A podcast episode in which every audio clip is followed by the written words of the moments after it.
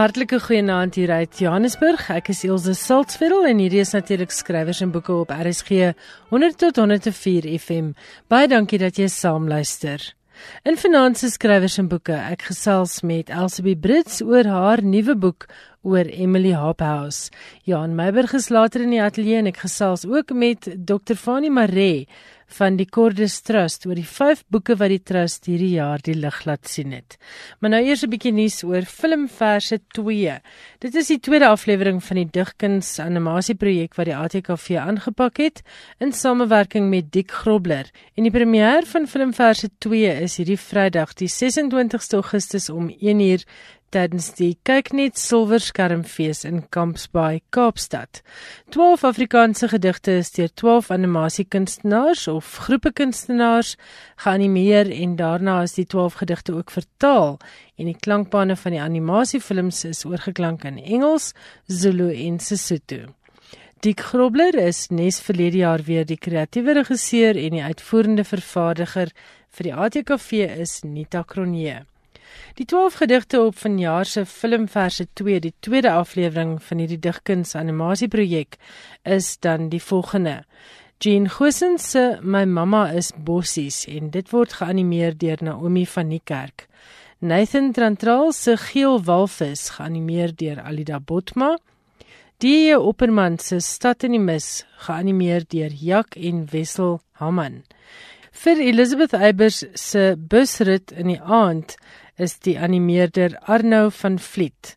Andries Besuidnout se Perron word geanimeer deur Marinda De Tooy en Tessa Lou.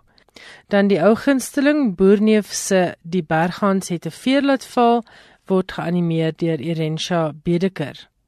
Helma Deploy se Afrikaan in Nederland is geanimeer deur Hanu Dewald en Roger van der Merwe. Dan is daar 'n gedig van Markie Bosman Nagte in die tuine van Spanje en die animeerder hierop is Teresa Jo Wessels. John Hambidge se Smoke Gets in Your Eyes is vir filmverse 2 geanimeer deur Katie van der Berg en Annie Snyman. Marlies Huber se Groet is geanimeer deur Charles Badenhorst en Johan de Lange se Wisseling deur Michelle Negrini.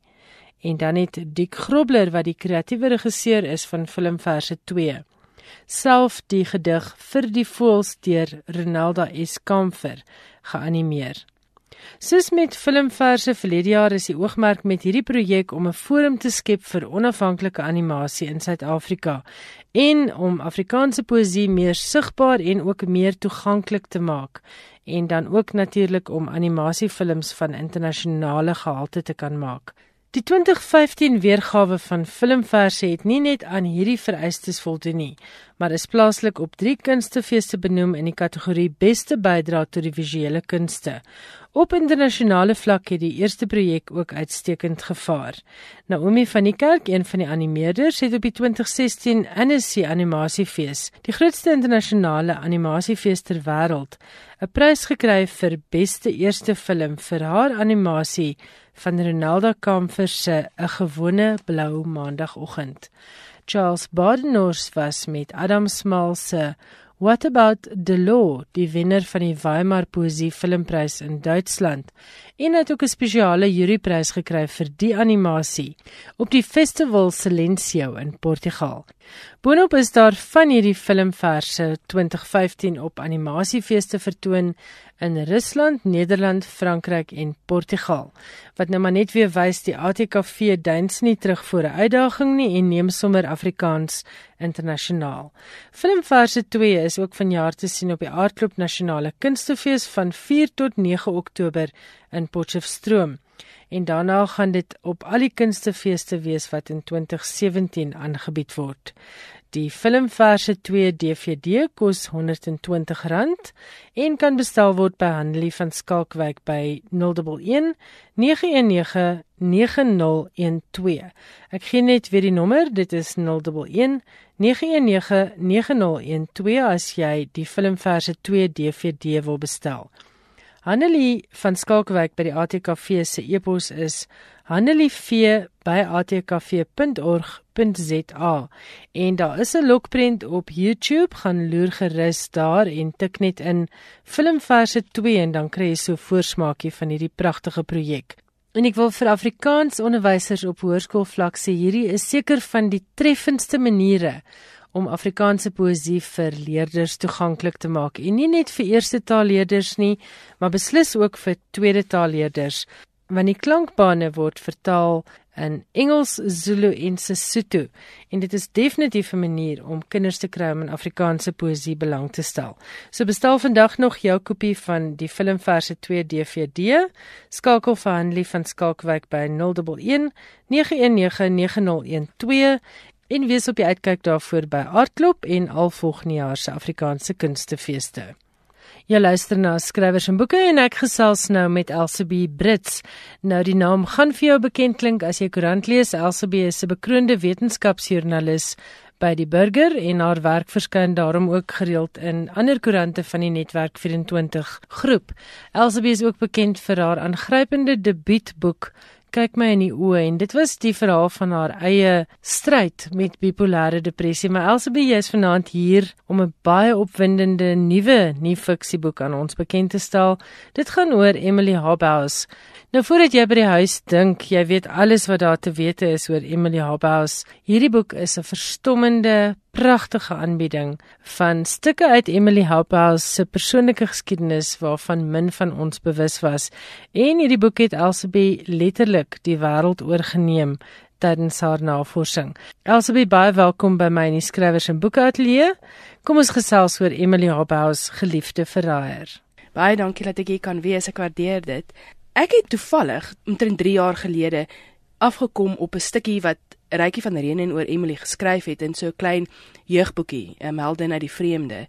En iets tref toe my oog dat sy 'n ploegplan en 'n 'n plantplan ontwerp het of eintlik van die begin af uitgedink het nadat sy in Suid-Afrika was kort na die Anglo-Boereoorlog.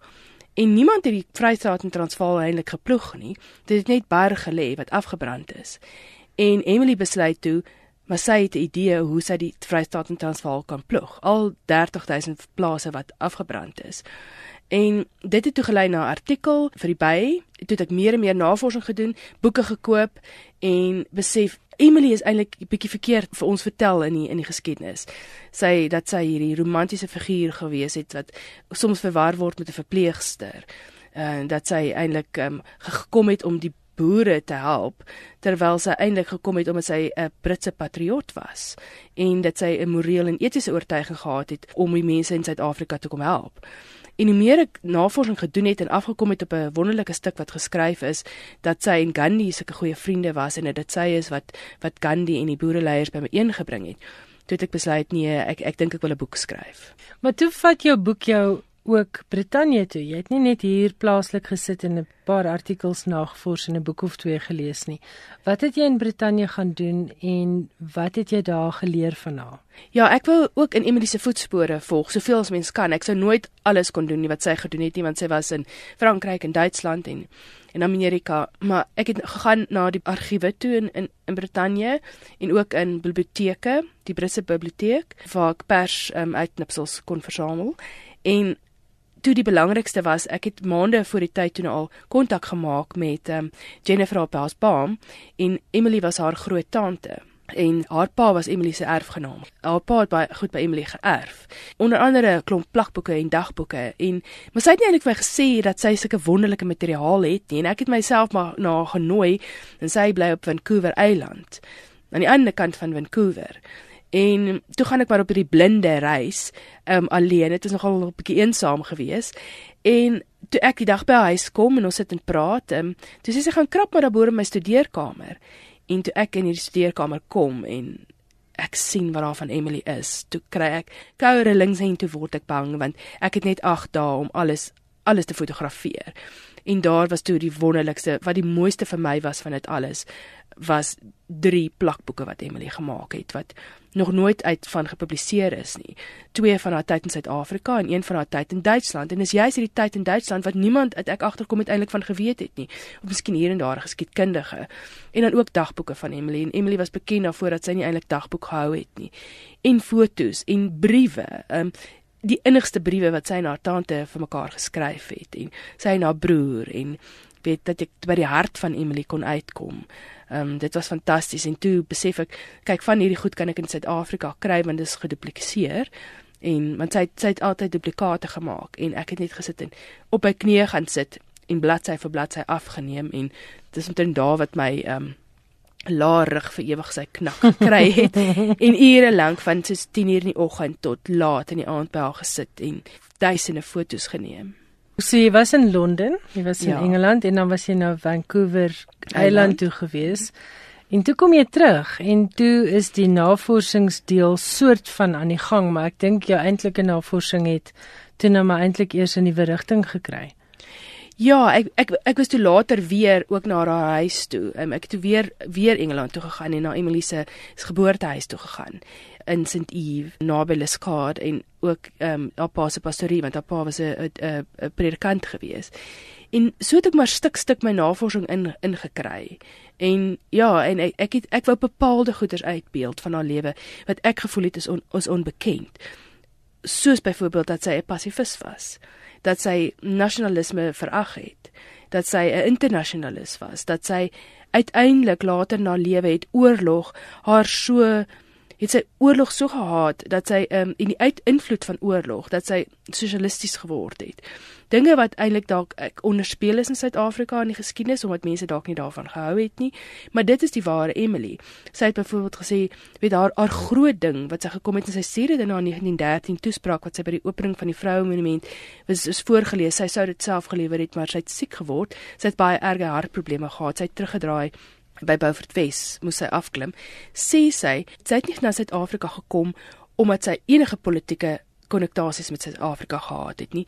Sy is vol polities neutraal. Sy het gekom uit solidariteit met die vroue en die kinders en ook omdat sy so teen oorlog is en haar mening oor oorlog was gewees. In 'n oorlog is jy nie meer 'n individu nie. Jy raak deel van 'n trop en daardie trop hy, hy behou homself deur alles wat wat reg en goed en moreel is te vergrys. Weet sy en dis dan verval jy soos in 'n tipe van 'n morele moras. Ja, 'n tipe van 'n dierlikheid neem. Daar kom 'n dierlikheid ja. oor en geen oorlog volgens haar is enigsins geregverdig nie hoegenaamd nie. En daar daardeur het sy ook met met Jan Smits, weet jy, sy het 'n baie innige vriendskap met hom gehad. En ek het en van daai materiaal versamel en om te sien, en hulle was 'n intellektuele gelyke gewees. Hulle het 'n hmm. wonderlike vriendskap gehad. En ek wou ook wys hoe, hoe, hoe elegant Emily Engels geskryf het. Sy het die mooiste mooiste Engels en eie tyds Engels geskryf en haar korrespondensie was soveel soveel meer as hierdie vrou wat ons van geleer het wat nou net weet haar storie is nie net die konsentrasiekamp nie haar storie het daar begin en toe kring dit uit na hierdie fenominale vrou. Hierdie is absoluut 'n merkwaardige vrou wat nie net sy was profeties, sy sy absoluut profeties goed gesê. En vertel gou weer van die ploeg en plantplan waarna jy verwys het. Het sy dit ooit in werking gestel? Ja. Ja, so sy het na die Anglo sy was 5 keer in Suid-Afrika. Weet baie mense dink sy was net 1 keer. Sy was 5 keer hier gewees. En tydens die um, 1903 reis was sy vir 6 maande in Suid-Afrika deur die verskroeide aarde.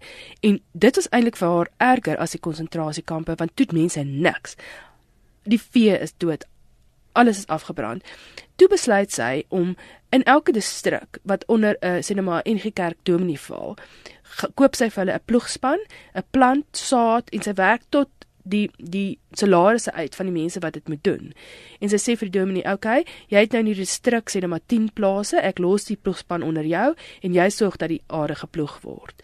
En daai ploegspanne van hulle tot 1910 nog geploeg. En wie dit betaal het, sy dit betaal. Sy dit betaal. Sy het geld ingesamel by die ryk mense in die Kaap en oorsee. En sy het 'n brief geskryf in in The Nation en gevra, kyk, dis hoe die ploegspan werk. Sy het 10000 pond vir dit ingesamel, eie hande. Nie 'n sent het aan is administrasie gegaan soos vandag as jy ja, fondse ja. het nie. Sy het al die administrasie self gedoen. So in hierdie plakboeke kom ek toe af op haar haar berekenings wat sy gedoen het, hoe sy hoe sy 'n boek gehou het van dit. En sy het dit meer as een keer gedoen. Sy het dit gedoen vir die konsentrasiekampe, sy het dit gedoen in in Eerste Wêreldoorlog toe sy mense gaan help het in in Duitsland. Het sy weer 5.5 miljoen maaltye in 2 jaar vir 'n hongerkinders gegee wat so gelei het na die Eerste Wêreldoorlog. 30000 kinders gevoed, elke liewe sent self ingesamel, elke liewe sent self van boek gehou met een een werker wat sy in die grond ingewerk het wat nie baie kon byhou nie. En sy was al 62 toe. En haar agtergrond, hoekom was sy hierdie uh fenominale vrou? Het sy so groot geword? Nee, ek dink nie so nie. Ek ek dink is een van die mense wat so gebore is en daar ietsie spesiaals het wat wat min mense het. Die een ding wat sy nie was nie, sy was nie 'n lafaard nie, sy was so braaf. Maar om terug te kom by jou vraag is, sy het groot geword 'n pastoriekind, haar pa se Church of England een van ses kinders wat wat oorleef het. Um, haar pa was 'n aartsdeken. Uh, sy kom uit 'n baie goeie uh, soos 'n maar die Britse hoër stand uit. Um, maar oom en um, tante was 'n lord and lady en haar ma's dood toe sy 20 is en toe sy moes haar pa versorg vir, vir 15 jaar en dit dit het amper van haar kop af gedryf. Sy sê dit ook. Sy was so graag Oxford toe gaan om daar te studeer soos al haar pa's mans gedoen het. En haar uh, en sy het haarself opgevoed met lees. Sy het fantastiese boeke gelees, weet, al die filosowe, ehm um, die beste politieke boeke van die tyd. En toe haar pa dood is, twee weke daarna, toe sy weg Amerika toe om die wêreld te gaan te gaan verken en om daar te gaan help met haar met haar eerste projek met mynwerkers in Minnesota. En wat uitstaan van Emily is dat sy sy kon vooruitsien. Want daardie fantastiese toespraak van haar van 1913 wat sy ge, gelewer het by die vroue monument daarin sê sy die vryhede wat jy gewen het en wat jy so koester moet dit nie ontneem van die ander mense onder julle beheer nie. Hmm, is dit, dit is, is dit baie profetiese woorde is dit nie fantasties nie? Sy sê ook 'n gemeenskap wat diskrimineer oor ras en en seks en enige tipe vorm van dit is doomed to fail. Mm. Weet ag, het die mense maar geluister na haar. Mm, mm. Ek dink hulle het dit gehoor, hulle het verstaan, hulle wou dit net nie toepas nie. So sy was 'n baie skerp intellektuele denker. Sy was klink dit vir my 'n feminis. Mm, maar sy het deur dit alles dit tog op 'n baie fyn beskaafde manier gedoen. 'n ja. Manier wat vir haar aanvaarbaar gemaak het vir mense. Ja, natuurlik en bepaald natuurlik die mense wat nie van haar gehou het nie, het haar hysteries genoem. Dis hulle altyd met vroue maak. Kyk as kyk as 'n man sy standpunt goed oorbring, dan sy Ja, hmm, dan is hy 'n sterk beginselvaste man. Ja. As 'n vrou dit doen sy hysteries. Jy weet, sy sy's natuurlik geraam as 'n tipe hysteriese uh, vrou, maar e, e, ek sou dit gedoen het as ek 'n kitchener was want hy het nie geweet wat om te doen nie. Hmm. Weet hy het al that that bloody woman genoem. Ehm um, maar maar as mens mooi daaroor dink, so mens dink nou, okay, Emily het al hierdie wonderlike goed gedoen. Maar staan 'n oomblik terug en sien jouself, Victoriaanse vrou, sy's gebore in 1860 sy het um, geen opvoeding gehad ba basies by gouvernante en 1 jaar se se afrondingsskool nie. En sy neem sy besluit sy takel die magtigste ryk op aarde. Mm, mm. Dit was vandag soos vandag se Amerika of China. Mm. Takel sy die Britse imperiale ryk en sy wys hulle foute vir hulle uit. Die mense was woedend geweest. Hulle was hulle het haar letterlik met stokke en klippe gegooi met vrot groente. En daar was 'n klein deeltjie van die liberale mense wat haar gesteun het. En en dink net, jy staan voor 'n tsunami van haat haatbriewe wat vir jou gestuur word. Hulle skryf goed op die paadjie vir haar woonstel in Chelsea met wit bordkruit. Sy kry haatbriewe. Dit is verskriklik. En tog sê sy nie, "O nee, nee, nee, dis bietjie te veel vir my nie." Hmm, en ek gaan nou op, ek gaan nou terug staan. Nie. Sy het niemand in haar lewe nie. Sy ouma en pa is dood. Sy het net haar oom en tannie. Sy het haar broer, maar hy het sy eie gesin en lewe. Haar susters het ook hulle eie lewe, hulle onder moeilike omstandighede getrou. Sy's alleen. Hmm. En tog kom sy weer en sy kom terug Kaapstad toe en toe sy weer kom tydens die oorlog. Probeer sy weer by die konsentrasiekampe uitkom, maar dit verhoed om dit te doen. En sy word gearresteer in Kaapstad. Ek weet nie veel mense weet dit nie, maar vir 5 dae lank word sy in Kaapstad op 'n skip aangehou.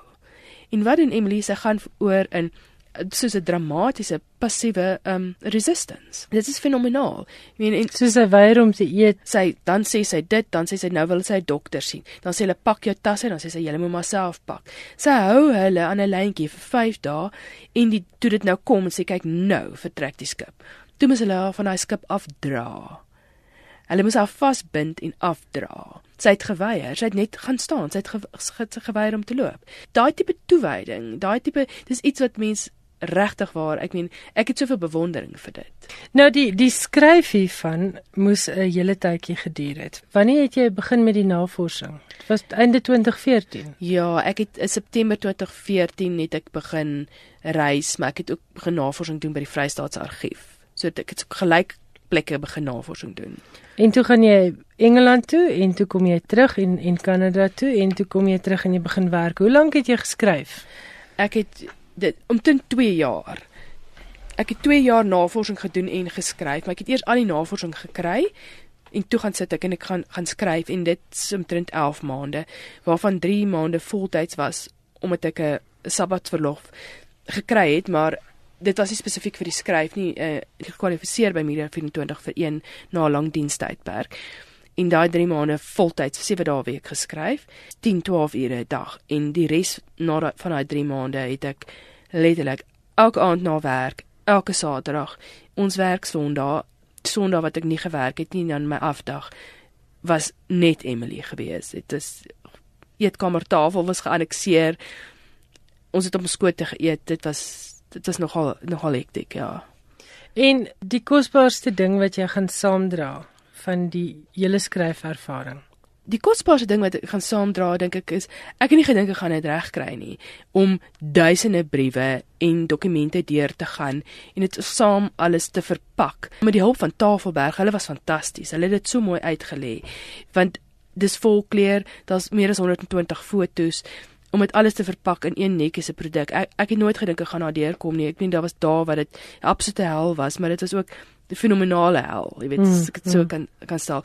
Ek het nie gedink ek gaan dit kan doen nie, maar dit dit is toe gedoen. Iets wat jou boek baie spesiaal maak, is die feit dat die fotos loop dwars deur die boek. Dit is nie een van die boeke waar daar so 4 of 5 blaadjies met fotos in die middel van die boek is nie.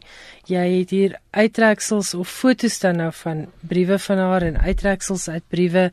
Het jy insaag gehad in hierdie formaat of hoe het dit gebeur dat dit so visueel so mooi boek is? Ja, ek het omtrent um, so 120 fotos self verskaf. En die uitgewers het ook nog 'n hele paar ge gekry by die Anglo-Boere Oorlog Museum en 'n paar aangekoop. Maar ek moet alle krediet vir hierdie uitleg gaan aan Anneke Miller wat wat gelei wat Tafelberg se span gelei het uh, in die uitleg. So die uitleg van die Afrikaans en Engels verskil so bietjie, net om spesifieke gehore um, anders is, maar ek meen ek het die pad saam met hulle gestap. Dit was absoluut 'n spanwerk geweest. Hoekom het julle dan besluit om die Afrikaans en Engels 'n bietjie anders te doen? Gaan die Engelse boek byvoorbeeld ook oor see bemark word? Wel ons hoop so. Ons ons praat met met mense. Ehm um, um, daar is nou nog nie finaliteit daaroor nie. Ag dit is maar net om dit bietjie verskillend te laat lyk like op die op die boek raak. Wie die voorblad is mm. ook effens bietjie bietjie anders. Ek weet iets iets interessant van hierdie voorblad. Dit is nie 'n foto nie. Dit is 'n houtskool en potlood skets wat deur Roan Huishamen gedoen is van 'n foto af. Dit is ongelooflik mooi. Ek wens luisteraars kan dit sien. Ek dink ek gaan 'n foto op die webwerf sit want ek het gedink dit is 'n 'n baie verbleikte nee, foto. Kyk die detail van haar oë en haar hare. Dit is dit is geteken. En waar het jy op dit afgekom? Nee, ek dit was 'n opdrag. O, goed. Dit is 'n opdrag wat ons gegee het vir vir Roan Huishamen om dit te doen. Hy is hy's briljant. En jy sien daar's nog een in die boek waar sy so by 'n tafel sit en skryf. Dit is ook houtskoolwerk. Ook deur hom. Ja. Ag, dis werklik baie baie treffend en dit is 'n baie baie visuele baie mooi boek en ek sou sê 'n fantastiese ja. koffietafelboek, maar dis ook 'n boek wat leesbaar is. Hoe het jy die storie benader? Want dit jy vertel dit soos 'n storie. Dit is nie 'n ja, droë ja, val nee. geskiedenisgids nie. Ek wou nie 'n droë akademiese werk skryf nie. Ek wil Emily se storie vertel. Dit moet lees soos 'n storie. Ek sê nie eers amper eers al 'n biografie nie, miskien is dit. Ek ek het dit benader. Ek het hier 3 maande geskryf sê iemand, "O, jy skryf 'n biografie van Emily." In my kop het ek gedink ek skryf Emily se storie. Hmm. So jy ek het dit benader van ek vertel haar storie. En dit is nie net nie, daar's ander boeke of plays of films wat fokus op die Anglo-Boereoorlog. En jy gaan bitter min. Hier's nie troepe bewegings en generasie in nie, hmm. jy weet. Hmm. Hier is Emily se storie van begin tot einde van haar lewe en dan so 'n bietjie iets na. Ek wil haar storie vertel, meelewend. Ek wil weet hoe dit Emily gevoel as iemand voor haar sterf. Maar ons het altyd gehoor hoe die mense gevoel as hulle kinders sterf. Maar ek Mm. wou geweet het hoe het Emily gevoel en sy het dit geskryf want niemand het die moeite gedoen om haar storie te gaan vertel nie. Want sy het verskriklik swaar gekry. Sy het honger gely. Sy was baie keer 5 dae lank op 'n troepetrein met net mans. Jy kan nou dink hoe Mm. erg dit is. In die winter, dan kom hulle by 'n plek om kos te kry, dan stoot hulle haar weg. Dan kry sy nie eers kos nie. Weet sy het in die koue geslaap. Sy het met die verskroeide aarde 6 maande deur die land gereis en in mense se afgebrande huise tussen hulle geslaap. Wat is Emily se storie en wie is die ware Emily op huis? Ek het gesels met Elsabie Brits, die skrywer van Emily Haberhaus Geliefde Verraaier en dan in Engels Emily Haberhaus Beloved Traitor. Elsabie baie geluk, dis 'n lieflike boek en ek hoop regtig waar hy verkoop so soetkoek. Dankie Elsje. En 'n mens kan sommer die borrelende entoesiasme in Elsabie Brits se stem hoor wanneer sy gesels oor Emily Haberhaus Geliefde Verraaier. Die boek word uitgegee deur Tafelberg. Dit kos R320 en is ook in Engels beskikbaar as Emily Haberhaus Beloved Traitor. Welkom by Skrywers en Boeke. Ek gesels vanaand weer met Dr. Fanie Maree van die Cordis Trust. Ek het verlede week gesê hy gaan vir ons hierdie week net so 'n bietjie vertel van die vyf publikasies wat Cordis hierdie jaar die lig laat sien het. Goeienaand Fanie. Goeienaand Ilse, baie dankie vir die geleentheid. Ek wil baie graag met jou praat oor hierdie vyf boeke want dit is nogal uiteenlopend. Ek sien ehm um, hier's iets van goeie nuwe fiksie oor 'n baie interessante onderwerp tot 'n digbundel. So die mikrofoon is joune. Vertel vir ons 'n bietjie van hierdie vyf boeke. Dankie Ilse. Ehm uh, Chorus Trust uh, Publikasies is 'n onafhanklike nis-uitgewer juis om oor 'n verskeidenheid onderwerpe te kan publiseer, geleenthede te skep vir mense wat dalk andersins nie so 'n geleentheid sal kry nie. Ek is baie ingestel op 'n uh, debuutwerk of eerste werke, die digbundel 'n vlekslag van kleur deur Francie Neuhout. Uh, dis 'n baie besonderse debuutbundel uit my oogpunt en dit is baie goed ontvang. So dit val binne die digkuns waar mense geleentheid skep vir 'n jong persoon. Die tweede digbundel het die, die titel Wit Afrikaanse man en is deur Niels Jackson. Dit is spesifiek uitgewys dat dit nie 'n literêre werk is nie, maar dit gaan oor die tipiese lewe van 'n wit Afrikaanse man soos wat hy dit ervaar het. Dit is baie suksesvol in die sin dat hy dit aanbied byna as 'n een persoon vertoning met beeld en musiek daarbey en baie mense vind daarbey aanklank. En dit is waar die nis element in Cordus se publikasies kom. En Niels Jackson is natuurlik nou 'n bekende joernalis en redakteur van die Kerkbode as ek dit nie mis het nie. Dis reg. Ja, ek sien hy skryf hier agter ook daar is 'n nis in die digkuns wat onontgin is en dan verwys hy na die literêre elite.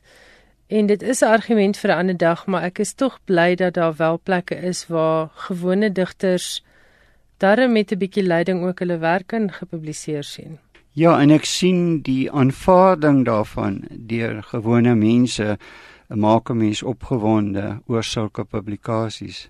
Ja, en ek wil net sê ons hier by skrywers en boeke het uiteraard niks teen literêre werk nie. Dit is deel van ons program se mandaat ook, maar ek dink tog daar is plek vir ander werk ook in die Afrikaanse letterkunde. Vertel vir ons van hierdie boek van Cas Vos, want dit lyk vir my baie interessant. Dit is 'n vertaling fragmente uit die Odyssea van Homerus. Ja, daar was voorheen vertalings daarvan wat redelik direk was. Uh, Kas het 'n nuwe bedeling gebring deurdat hy het dit omskryf, hy dit uh, in korrekte wil ek amper sê aanvaarbare Afrikaans uh, wat baie aanklank vind by mense gedoen en die fragmente uit die Odyssea het ook 'n redelike lang inleiding waarin hy vir 'n mens 'n geleentheid gee om jou in te stel op die teks wat gaan volg. Dit was vir my baie lekker om met hom daaroor saam te werk. Dit is vir my 'n vreemde area. maar ek het hierdie boek baie geniet en ek dit dit word besonder goed aanvaar. Ja, ek dink dit is vir iemand wat glad nie hierdie skrywer se werk ken nie, is daar 'n volledige agtergrond en 'n inleiding wat die hele genre dan nou ook oopgooi vir 'n gewone mens om te verstaan. Ja, Kas het uh, fragmente uit die Ilias gepubliseer wat uh, die voorganger hiervan is en ek ek dink dit het reeds vir 'n mens die aptyd gewek van van wat gaan volg. Ja, ek moet erken my enigste blootstelling aan hierdie groot klassieke digters en so was maar op universiteit en onder meer in Latyn en dit is nie iets wat ooit vir my aangebied is in Afrikaans op 'n manier wat ek in belang gestel het nie. Ja, ek ek het dit besonder geniet. Kas praat van ons boek. Nou my bydrae in terme van die inhoud is uh, baie klein, maar ek ek het met hom saamgeleef en dit was vir my 'n baie wonderlike ervaring volgende boek wat gepubliseer is is deur die skrywer Gawie Pastorius. Hy was 'n mediese dokter en hy is 'n gelowige. Hy het hierdie boek geskryf Laat daar lig wees en dit is vir my 'n wonderlike balans tussen die mediese wetenskap en die teologiese wetenskap.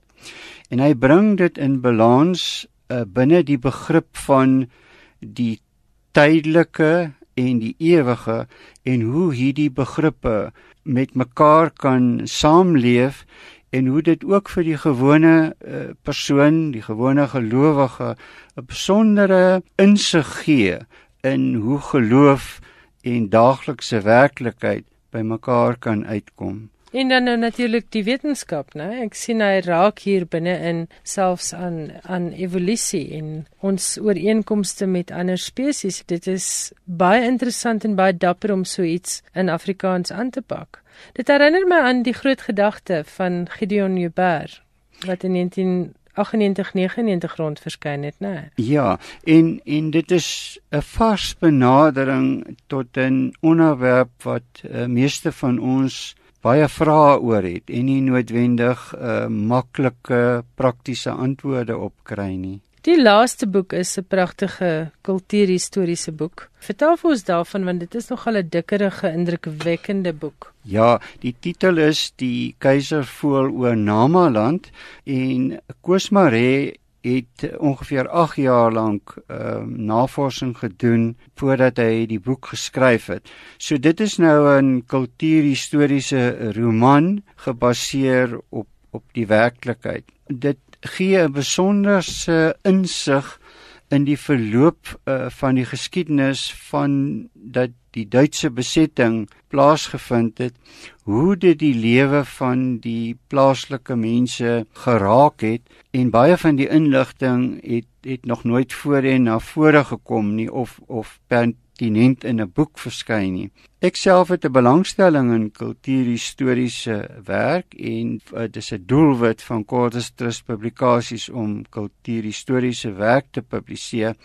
Ek het dit besonder geniet omdat dit ehm um, vir my 'n totaal nuwe stuk geskiedenis oopgemaak het wat ek normaalweg nie sou gaan oplees het of oor navorsing gedoen het nie. Ja, ek wil net vir die luisteraars sê ek lees nou hier van die agterblaad af 'n Nama komando gelei deur Cornelius Fredericks, skoonseun van Hendrik Witbooi, oorval dan nou hierdie groep mense waaroor Koos Maree skryf Maar Cornelius laat hulle veilig wegkom, net om self in die hande van sy teenstanders te val. 'n Band ontstaan tussen die jong Ernst Luchtenstein en die gevange Nama kaptein Cornelius Fredericks en dit is dan nou min of meer die uh, gegewe waarteen hierdie roman afspeel. Fanny, wat beteken dit vir jou om hierdie boeke vir mense moontlik te maak? Ilse, dit voel altyd vir my dat wanneer so 'n boek ehm um, bekend gestel word, dat dit my boek is. Ek leef my so daarin en in die outeurs se ervarings dat dit vir my 'n persoonlike prestasie is wanneer die boek verskyn. Maar dit is terselfdertyd 'n geleentheid vir mense om gepubliseer te word, gehalte publikasies wat ek voel werklik 'n nis aanspreek en 'n moed is anders te sal hierdie uh, publikasies nooit gebeur het nie. En ek wil beklemtoon jy het vir my nou ook verduidelik hoe werk die proses, maar ek ken van jou ander boeke en dit is alles deeglik uitgelê, dit is deeglik taalversorg, keurige taal, taalversorging. Dit is nie 'n minderwaardige produk nie en jy het selfs mense wat vir jou eers die manuskrip 'n bietjie keur wat vir jou sê is dit die moeite werd om dit uit te gee of nie. Ja, ek het self nie die kundigheid nie, so ek maak gebruik van kundiges om vir my 'n mening te gee. Ek het al 'n mening veronagsaam, ehm um, wanneer ek gevoel het dat die boek moet gepubliseer word ongeag die vooraf mening of kritiek wat daarop uitgespreek is. Fanny baie dankie vir al jou werk in Afrikaans. Ek weet jy sê graag dankie vir mense wat in Afrikaans werk, maar baie dankie vir wat jy in die Cordis Trust die afgelope twee dekades of so vir Afrikaans doen. Baie dankie Ilse, dit was lekker om hier te wees. Ek het met Dr. Fanny Maree van die Cordis Trust gesels. En as jy inligting soek oor die Cordis Trust of oor enige van die boeke waaroor ons nou gesels het, gaan klik op hulle webwerf by www.cordistrust.co.za.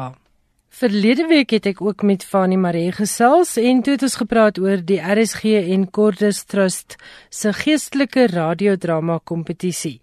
Daar was luisteraars wat vir my gevra het om net weer die inligting te herhaal en ek doen dit graag.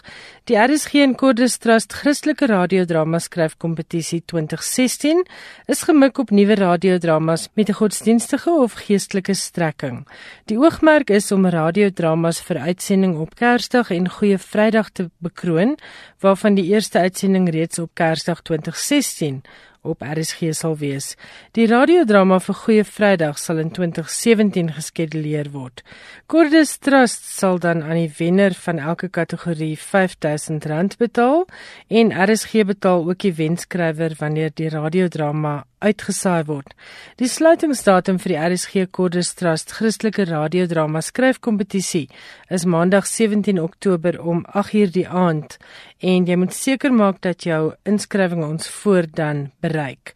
Meer inligting oor die kompetisie sowel as die kompetisie reëls en inskrywingsvorm is op RSG se webblad beskikbaar by www www.rsg.co.za of jy kan vir Flip Loot skakel gedurende kantoorure by 0129982389 of jy kan vir Flip 'n e-pos stuur na flip@triplmproductions.co.za Die spertyd net sommer so terloops vir die RSG Sanlam radiodrama skryfkompetisie was op 30 Junie en die inskrywings word tans beoordeel. Daarna sal die kortlys tekste verder met die hulp van 'n mentor geslyp word. So laat weet Kobus Burger, my kollega in die hoof van drama hier by RSG. So almal wat ingeskryf het, julle moet 25 November tussen 3 en 4 uur Chila tyd luister want dan gaan ons die wenners aankondig van verjaar se RSG Sanlam radiodrama kompetisie. Jy luister na skrywers en boeke en dis nou tyd vir Johan Meiburg se gereelde weeklikse insetsel oor die internasionale letterkunde en al die lekker dinge uit die internasionale boekewêreld. Hallo Johan, baie welkom. Baie dankie. Die langlys vir die PEN International New Voices Prys is onlangs bekend gemaak en daar is vanjaar weer 'n Afrikaanse inskrywing onder die ses kortverhale wat benoem is vir die prys. Frederik Jebota se verhaal Please Help God Bless benoem deur Pen Afrikaans, het vanjaar die langlys gehaal. Botha het in 2014 Human and Resource se nuwe stories 3 kompetisie gewen met sy kortverhaal The Day Madiba Died. Die kompetisie is oop vir ongepubliseerde skrywers tussen 18 en 30 en moet benoem word deur die plaaslike pen sentrum. Skrywers kan nie self hulle werk vir die kompetisie inskryf nie. Die prys vloei voort uit Pen International se strewe om die werk van jong skrywers te bevorder en om inskrywings aan te moedig uit verskillende taalstreke en gemeenskappe. Vir deelname aan die gerekende jaarlikse Pen International New Voices prys is Botha se kortverhaal op Pen Afrikaanse koste in Engels en Spaans vertaal, onderskeidelik deur Marius Swart en Martha Behar. Die ander 5 kortverhale op die langlys is In the Hearts of Green Birds deur Robin Ganderton benoem deur Ben Wallace, The Rat and Other Poems deur Stefan Kilbasiewicz, deur Pen Engels benoem. Viertel Neger deur Julian Amankwa benoem deur Pen Duits. Manifesto deur Johanna Ventila benoem deur Pen Roemenië en Dress Rehearse deur Laura Leg benoem deur Pen Kanada. Die kortlys word eersdaags bekend gemaak en die wenner word op 28 September tydens die 82ste Pen Kongres in die Spaanse stad Orense aangekondig. Verlede jaar was Karin Smit se kortverhaal Likewaan op die langlys. En in 2013 het Masanda Njanga, ingeskryf deur Pen Suid-Afrika, die New Voices Prys verower. Die Vereniging vir die Herwinning van Historiese Geheue 'n Spaanse groep wat hulle daarvoor beywer dat geregtigheid C4 vir mense wat tydens die Spaanse burgeroorlog of daarna tydens Francisco Franco se regime vermoor is of verdwyn het. Het nou die dienste van 'n Argentynse regter bekom om die moord op die digter Federico Garcia Lorca 80 jaar gelede te ondersoek. Garcia Lorca was 38 toe hy deur 'n vuurpeloton doodgeskiet is op 19 Augustus 1936. Die digter en dramaturg wie se werk kwessies soos dood en onreg aansny, is vermoedelik in 'n ongemerkte graf net buite Granada in Spanje begrawe. Pogings om sy oorskot te vind was tot dusver vrugteloos. Die regter Maria Servini het in 2010 'n hofsaak begin om die menseregte skendings tydens die Franco bewind van 1936 tot 1975 te ondersoek. Na Franco se dood is 'n gesamentlike amnestie ooreenkoms in Spanje onderteken in 'n poging om die diep verdeelde land te probeer stuur in die rigting van demokrasie. Op grond van die ooreenkoms het die Spanjaarde nog altyd geweier om vermeende wandade tydens die Franco-era te ondersoek. Die nuwe ondersoek word gedoen op grond van 'n 1965 dokument wat dekades lank in die argief van binnelandse sake begrawe was, waarin en ek hou aan die moord op Garcia Lorca vir die eerste keer erken word. Britse biblioteekbesoeke het die afgelope dekade met bykans 'n derde afgeneem, blyk dit uit 'n regeringsverslag wat onlangs bekend gemaak is. Die Britse Departement van Kultuur, Media en Sport het die beduidende afname gekontrasteer met die toename die afgelope 10 jaar in besoeke aan museums en gallerye. Die verslag het nagelaat om die rede vir die afname te noem en die belangegroepe het 'n dringende beroep gedoen op die nuwe minister wie se portefeulje biblioteke insluit om aandag aan die saak te gee. The Guardian het die naweek 'n veldtogvoerder vir die belang van biblioteke aangehaal wat gesê het die krisis wat biblioteke in die gesig staar behoort bo aan die regering se agenda te wees. Die nuwe minister behoort die biblioteektaakmag oor die kole te haal. Sedert April het 72 openbare biblioteke en 5 mobiele biblioteke in Brittanje in die slag gebly. Die Amerikaanse kinderboekskrywer Kate DiCamillo het onlangs tydens 'n publisiteitsbesoek aan 'n boekwinkel in Orlando in die VSA gesê in 'n tyd van geweld en terreur het ons nou meer as tevore stories nodig. DiCamillo is bekend vir haar kinderverhale in boeke soos The Tale of the Despero en Flora and Ulysses. Haar bekendste boeke vir kleiner kinders is die Mercy Watson reeks geïllustreer deur Chris van Dusen. Sy verwys na 'n brief wat sy onlangs van 'n leser in Australië gekry het na aanleiding van haar jongste roman, Remy Nightingale, 'n boek oor 'n groep meisies waarvan die een moontlik gemolesteer is die ander se pa die gesin verlaat het en nog een weesgelaat is. Die meisies gee nie net vir mekaar om nie, maar wys wat ware vriendskap en lojaliteit beteken. Die Australiese leser het haar boek as 'n harde dog gerusstellende boek beskryf. Ek dink dit is wat literatuur moet doen, het die Camilo gesê, om die waarheid te praat en dit draaglik te maak. Wat sy beklemtoon het is dat ouers tyd moet inruim om saam met en vir hulle kinders voor te lees. Dit verbeter nie net hulle leesvermoë, begrip en woordeskat nie, het sy gesê, maar versterk boonop hulle emosionele mondering. Daar is soveel stories om van te kies wat kinders gerus kan stel. wat hulle kan wys hoe om staande te bly in 'n wêreld wat nie perfek is nie, maar wat 'n mens dalk 'n bietjie beter kan maak. Ek dink dit is die enkele grootste rede hoekom kinders nie meer lees nie. Ek dink daar's te min ouers wat vir hulle kinders stories lees en daar's te min ouers wat met 'n boek in die hand gesien word, want ek dink 'n kind doen presies wat hy sien rondom hom. En as daar vir jou voorgeles word, luister jy anders of ervaar jy die verhaal anders as wanneer jy dit self lees? Ja, en dit is waar waar die grondslag gelê word. Ek dink daar is heeltemal genoeg navorsing om dit te bewys en ek dink ouers wat nie lees vir hulle kinders nie, mis ook 'n bietjie 'n uh, ander soort samesyn met die kind. Johan, baie dankie. Ons gesels volgende week weer. Dit was dan nou Finanse Skrywers en Boeke. Baie dankie dat jy saamgeluister het. As jy 'n e e-pos wil stuur, die adres is skrywers en die SMS nommer net weer 34024. Elke SMS kos R1. Volgende week gesels Suzette Kotse Meiburg met Dan Sley oor sy langverwagte nuwe roman wat dan ook die wenner was van die NB Groot Roman Wedstryd. Ek gesels weer met Johan Meiburg en dan is daar ouer gewoonte weer ander interessante boeke nuus. So maak seker dat jy volgende Woensdag aand om 8uur voor jou radio sit, want dan is dit weer tyd vir skrywers en boeke. Geniet die res van vanaand se programme. Tot ons weer gesels. Totsiens.